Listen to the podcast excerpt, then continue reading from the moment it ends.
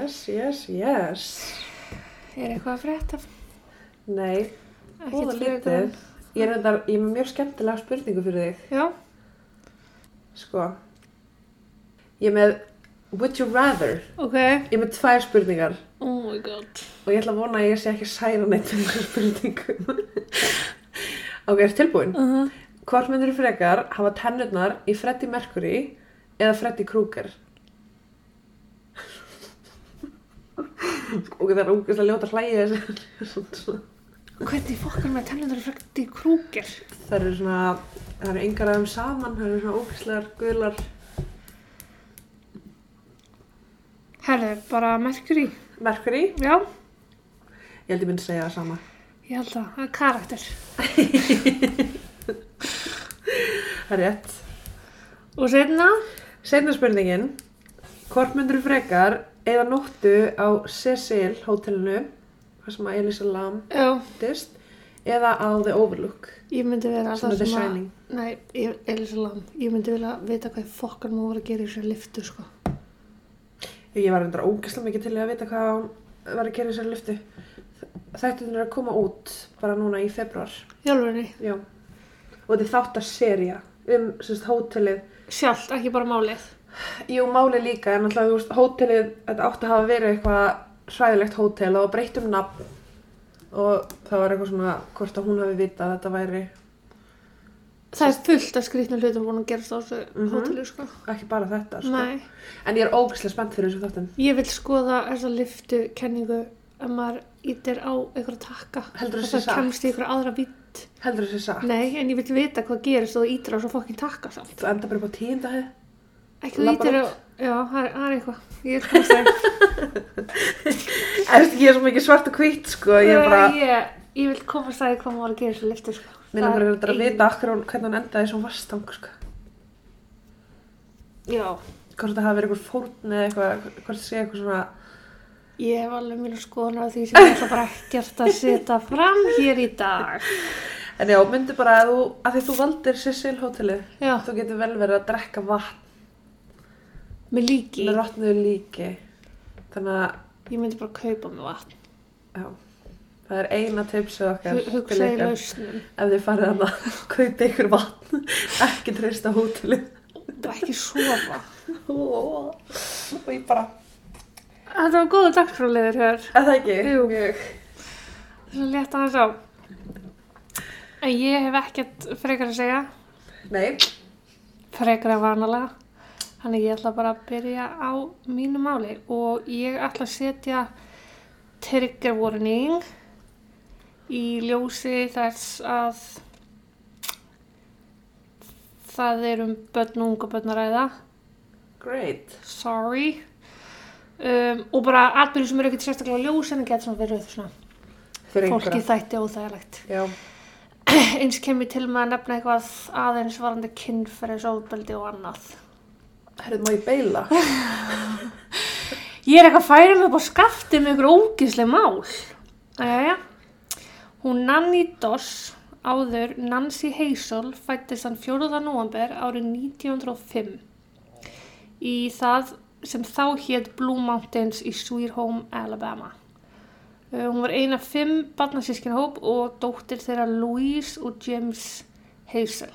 Sko hann heitir James en hann er oft kallaður Jim.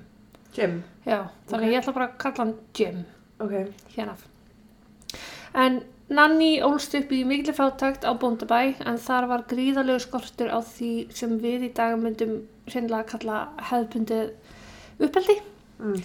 Jim föður Nanny og systra hennar þótti lítil ástæði fyrir þær til að gangi grunnskóla og lagði frekar upp úr því að þær syndu störfum innan bóndabæjarinn sem þau fjölskyldna bygga á. Sérst að sinna heimilistörfum og öllu því sem að fylgir að reyka sveitabæ. Mm. Af því við erum svo vel að okkur í því. Borgarbönnin. Því var það ekkert mál þegar dætuna fjórar voru hættir í grunnskóla mjög ungar. Þetta talið að Nanni hafi ekki sótt skóla nefnum bara fyrstu fjóra bekkina eða bara fram að tíu allar aldrei. Svo bara á vinnumarkaðin. Bara heima að vinna og sinna heimilinu og fjölskyldinu og eitthvað. Æska Nanni var Já. því óumflýjanlega frekar erfið. Pappinar beitti bæði henni og móðurinnar og systrum gríðarlega miklu andlega ofbeldi, stjórnaði þeim alfarið með kúunum og hótunum og var bara ömulur fjölskyldufæðir. Allstað las ég að móður Nanni hafði hata mann sinn eins og pestina en hún hafi bara verið först í aðstæðum og hver ekki geta flúið. Nei. En þegar Nanni var 7 ára var hún í lest með fjölskyldinu sinni til að heimsækja ættinga sína þegar lestin skyndilega nöyð hemlaði og allir því að Nanni fekk rosalegt höfuhögg þegar höfuð á henni slóst í játtstöng sem var beint fyrir framan hana. Ok. Sett bara lestin negli niður og hún skallar stöng. Þetta skipti máli síðar í málunni en í kjölfarið þjáðist hún af slæmu mýgrinnsköstum, minnisleysi og hálgerðum svona blackoutum. Og ég bara þegar þú segir minnisleis og Já. þetta er bara, hmm, hvað? Hvað kemur það? Þegar Nanni var aðeins eldri fór hún að glugga í romantískar sögur móður sinnar og fylgjast með alls konar auglýsingum í blaðinu þar sem að menn voru í leita eiginkonu eða það sem þetta heitir uh, The Lonely Hearts Column. Það gerði hún bara sér til huggunar og dreymdi um að eignast eigimann sem er þennan góður og hún geti upplegað hamingju og eignast fjölskylda bjartari framtíð. Þetta er svona yngamáls, Ég er þetta Klausa. bara Tinder átjöndaldar? jú, átjóðum, 20. aldar, Hvað voru þetta? 1905. Ó. Nei, hún fæðist á sko. Hún gekk ekki skóla, átti ekki mikla fyrirmyndafjölskyldi innan heimilisins, heimilisins og hafði engin tök á eignast kærastæði upplega kvolpa ást eins og vill gerast hjá börnum í grunnskóla og úlingum og svona og fekk aldrei tækifæri á að vera skotin eða neitt svo leiðis. Hún syndi bara sínum skildum innan heimilisins og hlýtti föðu sínum ásamt því að vinna í lín verksmiði til að afla fjárs fyrir heimilið að skipun föðu síns. Lín, veistu hvað lín er? Nei, ég var að spyrja. Það er bara svona efni, þú veist, lín er eins og lag og þannig. Mm. En eins og ég sagði, stjórnaði Djem, fæðurinn, lífið þeirra systra og það breytist ekki til þær komist á úlingsaldur og máttu þær ekkert gera án hans samþykis. Þar fengu ekkert leifi til að gera neitt til að breyta útliti sínu, fengu ekki að hafa sér til að neina leiti, klæði sér upp eða mála sig og bara ekkert til að draga aðtegli kallmanna að sér skilur Nei. þær máttu ekki eiga neina karl með karlkins vini og eða já þar til að Jim sjálfum fannst að henda þá til að þær getur kvænst þeim sem hefði þótti flottir karlpinningar fyrir dæti sínar. Og þannig var það þegar Nanni kynnist fyrsta eigimanni sínum Charlie Braggs Skemmtilegu maður. mjög Mm. Nanni og Charlie höfðu verið að vinna í verksmiðni saman og Jim leist nú ágjörlega á þennan mann og þótt hann vænlegu kostur til að ganga í hjónaband með þá 16 ára gamlu dóttur sinni Nanni. Charlie hafði svo sem ekkert sínt að sér annað en sóma og verið góðu við Nanni og reynst henni vel í vinnunni, þú veist bara sem samstarfsfélagi. Og því ákveður Nanni það væri nú ekki endir alheimsins að gangi hjónaband með þessum manni og því gera þau það nokkru mánuðum eftir sín fyrstu kynni eða árið 1921. Nanni flutti þá inn á Charlie þar sem hann bjóð með mömmu sinni og átti Nanni og tengdamóður hennar í verulega styrðu sambandi en hún var duglega að setja út á hana í gríð og erg og var með sömu takta og faðarinnar og beitti miklu andlega ofbeldi til að fá það sem hún vildi í gegn. Hún var bara ógeðslega leiðilega, bara svona martröðs tengda móður. Áfrábært. Nanni og Charlie eignast þó fjóra dætur saman á jafnmörgum árum.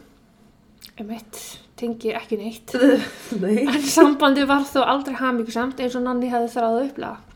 Charlie drakk mikið, mamma hans, tengdamáði Nanni, passaði sig að halda Charlie eins uppteknum frá Nanni og dæturum hennar eins og mögulega gat og þegar leið á sambandi var Nanni sjálf farin að drakka mikið.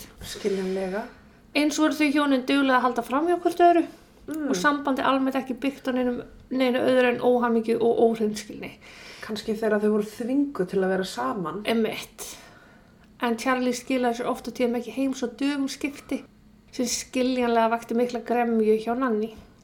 Hjónabandinu lauks árið 1927 eftir að tvær miðjudætur Nanni og Charlie höfðu látist með mánaða millibili á mjög fyrðalan hátt. Í lók ágúst árið 1927 hafði Charlie farið til vinnu og kvart fjölskyldinu sína og allir heilbreyður og hressi með tölu en þegar vinnudegi hans lauk hafði næst yngsta tveggjara dóttir hans látist af því sem talaði þá matareiturinn. Sama saga var í lók september sama ár, Charlie kvatti kom heim og næst alsta þryggjara dóttir hans hefði það látist af suma orsök og svo yngri mánuðinum á undan. Myndu þið ekki öll degja, þú var öll að geta sama matinn? Ég hefði haldið það sko. Oh, you people. Þetta hlautna að tekið á hjónin og í ofanlag hafði Charlie sinn grunum hvað hefði komið fyrir og hætti kjölfærið að vilja borða allan mat sem hann Nanni læði á borð fyrir hann. Grunur hans var enn meiri þegar hann bara snabblus ábending um að passa sig sérstaklega á að borða ekki matin sem hann Nanni eldar.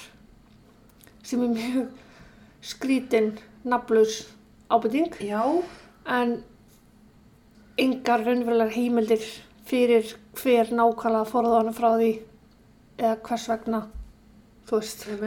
En hvað um það?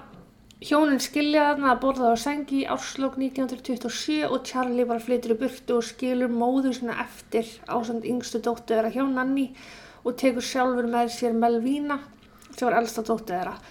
Ég kem bara til með að tala um Melvínu, þess vegna nafni ég bara hana eina á nafn. Ok. Það er alltaf hinn tvö eru látin og svo er þreytt. Eitt í viðbót, Já. já. Sumari 1928 mæti svo Charlie aftur heim til Nanni og þá með nýja koni eftir drægi og einhvað badd sem að Nanni nýja Charlie átti. Þá tilkynni Nanni Charlie það að móður hans hafði nú látið svona einhver tíman í millitíðinni og dánar orsök væri bara frekar óljós en hún væri nú dáin og lítið við því að gera. Ó, Þau ákveða þarna undir skilnaðpappira og Charlie lætur Melvína dótturinn sem hann hafi tekið með sér í umsjón Nanni aftur og þar með var Nanni orðin einsta móður með tvær ungar dætur. Í dag þykir ekki mjög auðvöld að vera einstætt foreldri og þú getur rétt ímyndað þér hvernig það hefur verið á þessum tíma. Einsta móður með enga aðstóð með börnin svo hægt var að vinna sér inn fyrir einhvers konar tekjum. En Nanni fekk þó vinnu á bómullar agri og hjælt áfram að dreyma um eigimannin sem hún þráði svo heitt og snýr hún sér því aftur að auglýsingum í blöðunum eins og hún hefði gert sem úlingur. varstu lengi að þýða bómullrakur? Ekki lengi. Spesal. En þú kidnapping. Lengi. Þar fór hann skrifast á við einhvern mann sem henni þótti algjör draumaprins. Hann var vel að máli farin og að brifunum þeirra dæma virtist hann hinn fyrirmynda maður. Duglegur og bara hefði besta eiginmannsefni. Hann skrifaði henni ástaljóð, hún skrifaði heitfeng bref til hans og sendi svo milli myndi til hvers annars. Sexting árið 1930. Já, ég meina. Þau hittast því árið 1929 í Jacksonville og ganga í hjónaband bara mjög fljótlega eftir að, eftir að hittast henni fyrsta sinn og búa sér til heimili á samt dætrum Nanni. Þessum tveim. Já, Ok, hann að, hann að Charlie var ekki með Melvindu. með hann var búin að skila henni eftir að þau skrifuðu undir skilina pappirina. Ok. Það kom þó fljótt í ljós að herramaðurinn sem hétt Robert Franklin Harrelson, kallaði Frank, var ekki til líkingu við þann mann sem Nanni hefði ímyndið sér þegar þau stóði í brífarskriftunum. Hann var ofbeldisfull fyllibitta með langa sögum ofbeldisglæpi og líkamsárasir og sambandið var því eftir því. Skar svolítið sem gerist þegar kennist manneski gegn bref. Bréf, nákvæmlega. En. Og hittast og svo bara giftast. Mm. Nanni verandi svolítið draumhygginn gerði allt í svona valdi til að láta hjónabandi lí, líta vel út og hafði vingað sér nákvæmlega sína og lét bara eins og allt leki í lindi hjá, fjöls, hjá fjölskyldinni. Árið liðu og Melvína, elsta dóttarinnar, var hér við sögu sjálf gengin út og gift manni og hafði eignast son, Robert, fættan árið 1943. Nanni var allsæl með þess að viðbóti fjölskyldana og þótti hann jú dýrmætur og fekk því líftryggingu fyrir hann upp á 500 dollara. Bara öryggisins vegna, hún vildi jú bara tryggja hann. Barnabarnið sitt. Já. Melvína eignast svo dóttur voru 1945 eftir gríðarlega erfiða fæðingu. Hún hefði meðal annars fengið, þetta gamall lið sem heitir Ether. En það var gefið til að sjúklingar upplöðu ekki sásöka til dæmis og meðan skurðaðgerð stendur. Þannig að hún var bara í virkilega miklu móki eftir að dóttarinn fæðist. Já, já. Nanni, verandi amma ársins, tekur stelpan í hendunar og er að sinninni og mjög fljótlega eftir að stelpan fæðist deyr hún. Læknarnir fundu engar skýringar á hvað hefði getað komið fyrir en Milvína var þó handviss um að hún hefði síðan móður svona stinga títuprjón í gegnum höfuð á stúlkunni sem hafði orðið hann að bana að vegna þess að Melvína var í þessu livjumóki var ekki hægt að taka fyllilega mark á þeirri frásögn og því ekkert í því gert. Títuprjón. Já, sérst, unga bætt fæðir sem er svona, það er ekki að loka fyrir, það bert í heilan eila, eða þessu bara húð, talaði hún að tekið títuprjón og stungi þar í gegn. Új, bara. Já. Í kjölfar döða ungabarsins skildu Melvína og maðurinn hennar svo að Melvína bjóð með Róbert sínu sínum hjá móður sinni Nanni. Hún var fljótlega eftir skilnaðin fann að slá sér upp með einhverjum hermanni sem romantíkusnum Nanni leist alls ekki vel á. Hún var þessi sambandi bara verulega mótfallin. Vildi ekki sjá hann Hermann inn á sínu heimili. Nei. Og þann 7. júli árið 1945 ríkur Melvína út af heimilinu eftir ósætti þeirra maðugna og skilur eftir Róbert, svon sinn barnabarnið, í, eftir í umsjó mömmusinnar. Why? Þegar Melvína skilaði sér setnum daginn hafði tveggjara Róbert dáið. Dánarársög köpnun af völdum ókunnugra ástæðana. Þessu var klingt á einhvers konar útskýringa varandi ungbarnadauða og málunum lokað og nokkrum mánuðum síðar kassaði fyrirmyndar amman hún Nanni út líftrygginguna sem hún hafi fengið á hann nokkrum árum aður. Í hennar nafni? Já. Get, já, er það bara hægt? Á þessum tíma. En þú veist, er fólk á svæðinu ekkert eitthvað, herra, ok, nú eru fjögur börn dáin? Nei, engin að tengja. Það er nóg eftir. Jésús. Hjónaband þeirra Nanni og Franks hefði á einhvern óutskýranlegan hátt ennst í 16 ár þegar hér er komið við sögu, þrátt fyrir arfaslagar aðstæður. Frank ákveður eitt kvöldi að fara út að skemmta sér, hitta félagið sinna sem hefur verið að koma heim úr setni heimstyröldinni og það átti aldrei að fagna. Hann gerir það og skröldur svo inn döðadrykkin heim til sín þegar nálgast bara morgun og hann nöðgar Nanni. Nanni brást eðla hryllilega illa við og ákvað að fara í búð, segist vera með róttur í húsinu sinna og fá rótteitur. Það hún gerir, kemur heim og hellir öllu rótteiturinu út í þessast landabrúsa eða moonshine eigimannsins sem að fer svo að fyllir í þann 15. september árið 1945 og er ekki sögunum meir. Hann jú steindó og það virkilega kvalafyllum döðdaga og dánarórsökinn sem var gefin út var svæsin, matar eða áfengiseiturinn. Þetta er hægt að vera eðlilegt. Er nóg eftir, sko, það er ennþá nóg eftir. Þannig er lífið ekki búið að leika við hennan Nanni gegnum árin en hún var þó allar tíð þekkt sem óbúslega ljúf og góð kona. Já, hún brosti mjög mikið og hló mjög mikið, grínaðist og glansaðist og var mjög öflug í að vingast við fólki í kringu sig. Það var rosa mikið svona glitt sem glamur í kringum hana. Hún var alltaf vel til höfuð og glæsileg kona og fyrirmyndir eiginkona. Svona á meðan hún var ekki að drepa þá. Já. En áfram hér Fyrirmyndaramma. lífið, um eitt fyrirmyndaramma, Mm. en áfram hér lífið og Nanni aftur mætti auglýsingarnar í fréttablöðunum, alltaf í leit draumaprinsum og jú, það rakst hún á auglýsingu frá Arli nokkrum landing í Lexington í Norður Karolínu og þanga fórun og voru þau gift tveimur sólarhingum síðar. Hún er ekki lengi að sko. Klart að þessu. Arli var þó líkur þeim fyrir eiginmönnum sem hann hafði átt, hann var drikkveldur og kvennagull og var ofta tíðum ekki mjög góðu við hana. Nanni snýri þó vörn í sókn og leti ekki allt yfir sig ganga og ákvað því að þetta skipta ætla að hún sjálfa hafa yfir höndina og fór því að flýja vikun saman sér til eigin skemmtunar. Sérst hún bara bless Já. og djama aðeins og kom svo tilbaka. Hvað er hún gömul þannig? Þetta er, Þú hlýtur að vera hún ferdu eða eitthvað. hún er að, já, hún er um færtið hérna sko. Já, ok. Hún ferðaðist, skoðaði og uppliði á meðan kallin beði heima. En alltaf þegar hún var heima var hún fyrirmyndra eiginkona, bakaði sveskjubökur og bar fram dýrindis máltíð fyrir heittalska eiginmannin. Í eitt af þessum ferð, ferðum sínum sem hún var svo dögulega að taka heimsótt hún sýstu sína sem var mikið lasin.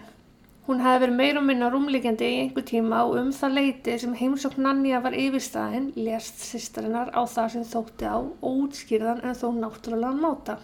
Hún hjælt í heim og við tók lífið aftur með Arli. Áfram hjælt hún að bera fram dýrindismáltíðir með smá skvettu og rotteitur með.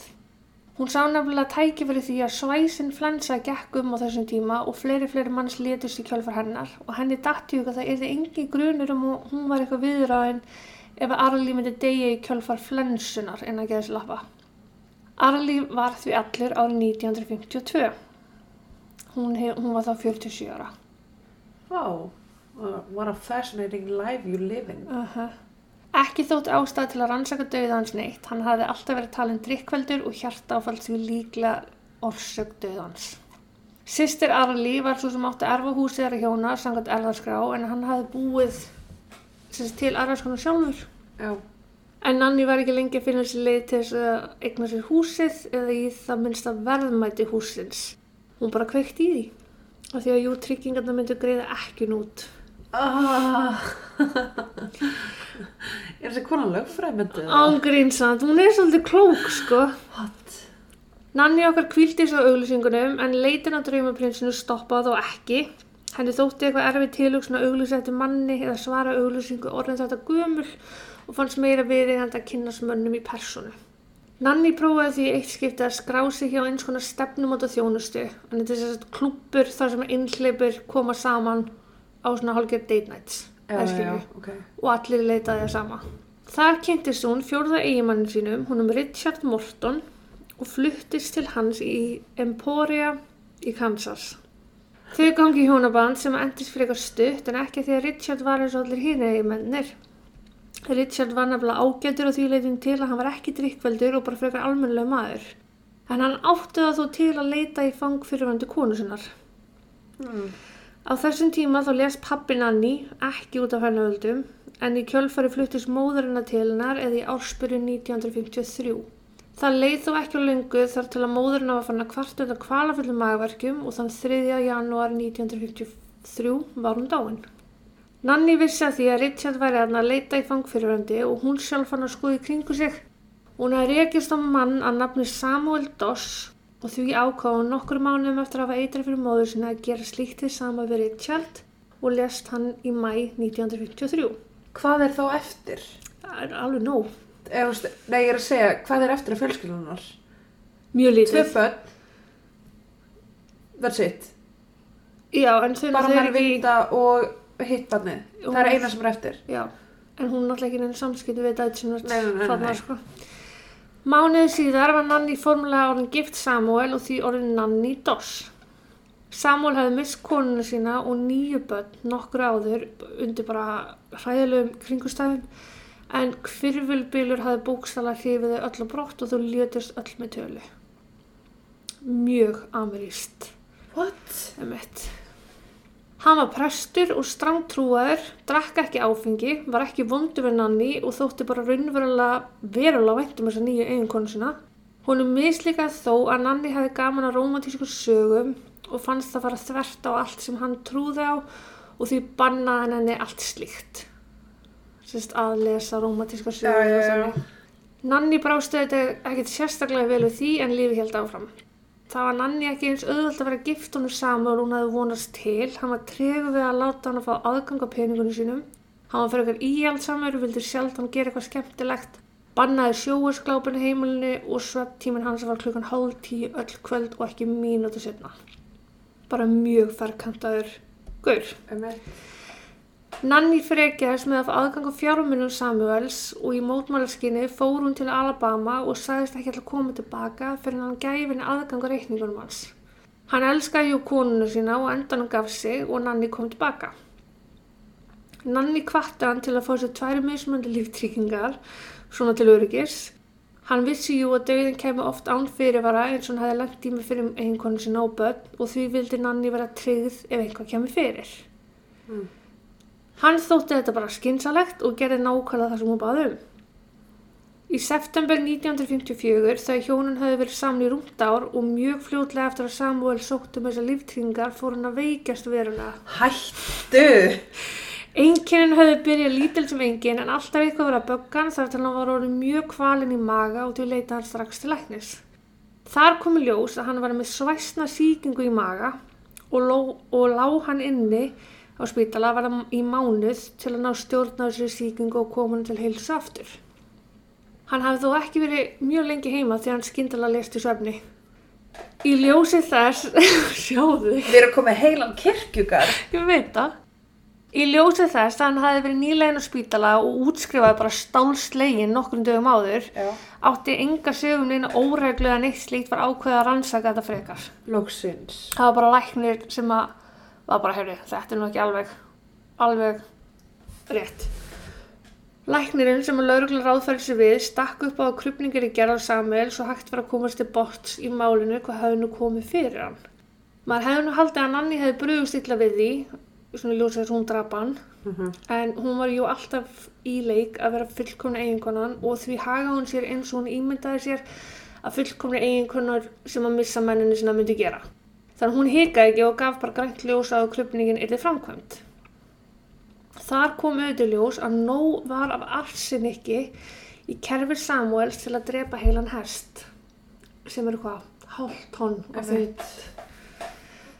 Lauruglan var ekki lengi að banka upp á að handtakan hann yfir glæpin. Hún viðurkenndi nánu strax og hún hefði jú drepið blessaðan Samuel. Hann er lánaflega svo rosalega á að fá líftryggingarna hans. Hann var eitthvað að fara að skorta pening. Ó, það? Lauruglun hálf hrilti við hversu léttilega hún tóka þessu allir saman en hún spjallaði við laurugluna eins og það væri hana bestu vinir. Hreytti á þessu bröndurum og var bara almennt mjög hillandi fyrir morðingi að gera. Lauruglan ákvaði að reyna að rekja aðeins sögun Anni, hvað hann hefði búið og verið og svona og, og fóruð það að taka eftir ákveðnu minstri. Dánir eigimenn í nokkrum ríkjum bandaríkjana, hann í Oklahoma, Norður Karolinu, annar í Kansas, annar í Alabama og það vakti strax grunnsendir. Og þegar þeir gengu á hana varandi það þóttu svona ekkit vita, en þeir voru jú vel undirbúnir og voru með pappirina sem að staðfyrst í hjónaböndu við mennina. Þú veist, hérna er samt hjónabands, þú veist, Já. með þinni undirskrift og eitthvað alveg. Þá var einnig ákveð að grafa upp fyrir undir eiginmennina til að sjá hvað það valdið þeim dauða og viti menn í þeim öllum fannst það róttauður. Ó. Hún viðkendi þá í miklu glensi að hún hefði eitar fyrir þeim öllum. En áður en hún játaði tók hún lofur að lauruglumönnum að hún fengi halda öllum ástasögunum sínum sem hún hafði svo gaman að, að lesa. Það fekk hún í gegn ánvandraða og því hóst hún handa við að segja hvað hefði áður á gengið. Hún hló á meðan hún sagði þeim hvernig hún blandaði róttauðri eða arsenikki við svarskjubökunar, kvöldmáltíðnar og áfengi á mönnunum. Hvað þetta hefði allt verið merkilega auðveld og öll samúðun sem hún fekk frá fólki og stuðningurinn. Hún sagði lauruglinni flissandi frá því að hún hefði verið að skoða í kringu sig rétt áður en að Samuel dó og var búin að kynast mjölkubonda honum John Keel sem hún hefði hugsað sér að giftast næst. Þess að hún var að ákveða bara hverju hún ætla að giftast eftir að Samuel verið dáin. Þá gegst hún einnig við því að hafa verið valdur af fleiri aðli kringu sig en hún viðurkendi ekki alla. En um var að ræða af þá fjóri eigimenn, tvær dætur, tvö barnabörn, systrinnar, móðurinnar og tengdamóðurinnar. Já. Alls konar kenningar hafa komið upp af hverju hún geti hafa tekið sér til og myrt fleiri fleiri einstaklega en sjálf bar hún fyrir sér að hún hafi gert þetta af ást. Hún var með heilanum að finna hinn fullkomna maka, ekta romantík og ef það ekki gekk eða eigimennar hætti á hendinni þá losaði hún sig við þá á þann máta sem hún taldi auðvöldast. Og í ljósi þess að hún vissi þegar væri nú flest allir með einhver undirleikandi heilsuvandamál þá svona dattinu hug og hún kemist upp með þetta. Sem hún gerði í mörg langan mjög tíma. langan tíma sko. en hún segir að líklega skemmtu höfuhöggið sem hún hafi orðið fyrir sem barn hafi verið einhver orsakavaldur í þessu öllu saman. Ó. og það hafi leitt til einhverja brenglunar Ertu allt í hennu ósakæfing konar? en það er ekki hægt að horfa fram með því að konan kassaði út líftringum eins og mánaðlaunum Einmitt. og því telli peningar hljóta hafa verið stór kvati á frúnni að halda ótröð áfram. En geðlæknar hafa talað um að mörg morðuna hafa verið vegna þess að hún hafi verið haldin Munchausen by proxy en hún reynilega nærðist aðtælinu sem hún fekk þegar einhver í kringum hann var mikið veikur eða dó og því hafa hún haldið áfram að myrða eftir að dæturinn að tvæljetust. Já, ok. Það er staðrind að hún ólst upp með alveg ömulega kallmannsfyrmynd og hvort að það hafi spilað þátt í þessu er erfitt að segja, svo sem ekki að klína ábyrðin neitt annað en á hana sjálfa, en auðvitað getur upp- uppeldið spila stóra þátt í þeirri personu sem maður endar að því að verða, eins og vorum að tala um. Það Fólk fæðist ekki von- svona. Nei. Kynferðisofbeldi hefur sjálfst ekki hjálpað heldur. En í podcasti sem ég hlusta á kom konan sem var að tala með mjög áhugaværi kenningu að hvaðin til að meiða og myrða hafa alltaf verið hjá henni og sem verið til í henni og bublað í henni og hafa svo sprotti út við álag og þess vegna hafa hún drefið dæti svona tvær þar sem þetta allt byrjaði. Hún var alltaf með sko eins og tvekja, þryggja og ára gammal Já, spann. og með árunum var hvaðin meiri og meiri og því var farið að líða stittur á milli morða hjá henni til lengur sem á leið Já, já, já. skilur, hún tók eitthvað pásu bara í 16 ár svo bara drepa, drepa, drepa, drepa Já. þegar að þorstin var orðin svona mikil en Nanni sjálfur voðalega rólega yfir þessu öllu saman tók þessu öllu bara með stórkostlæri ró og verið réttarhöldi 1955 sagði hún frá öllum morðunum í smáadrum og fannst þetta allt fyrir eitthvað fyndið og spöglegt Hún hló mikið að gjörnum sínum og frásögnum og var bara frekar ógeðsleg. Þú voru að fyrkja. Oh. Hún sagðist vonast til þess að henni er refsa þannig að hún hliti dauða af sjálf. Henni leist ágætlega á það að koma sér rafmagstólinn. Það þótti mjög áhugavert og töluðu sérfræðingar um að hún var einugis að reyna að fá það fram að því hún þorði ekki að fyrirfæra sér sjálf og var það meðal annars nefnt sem suicide by proxy. Þú veist þess að séum ekki að suicide by cop, það ógnaði löggu til löggan sljóti.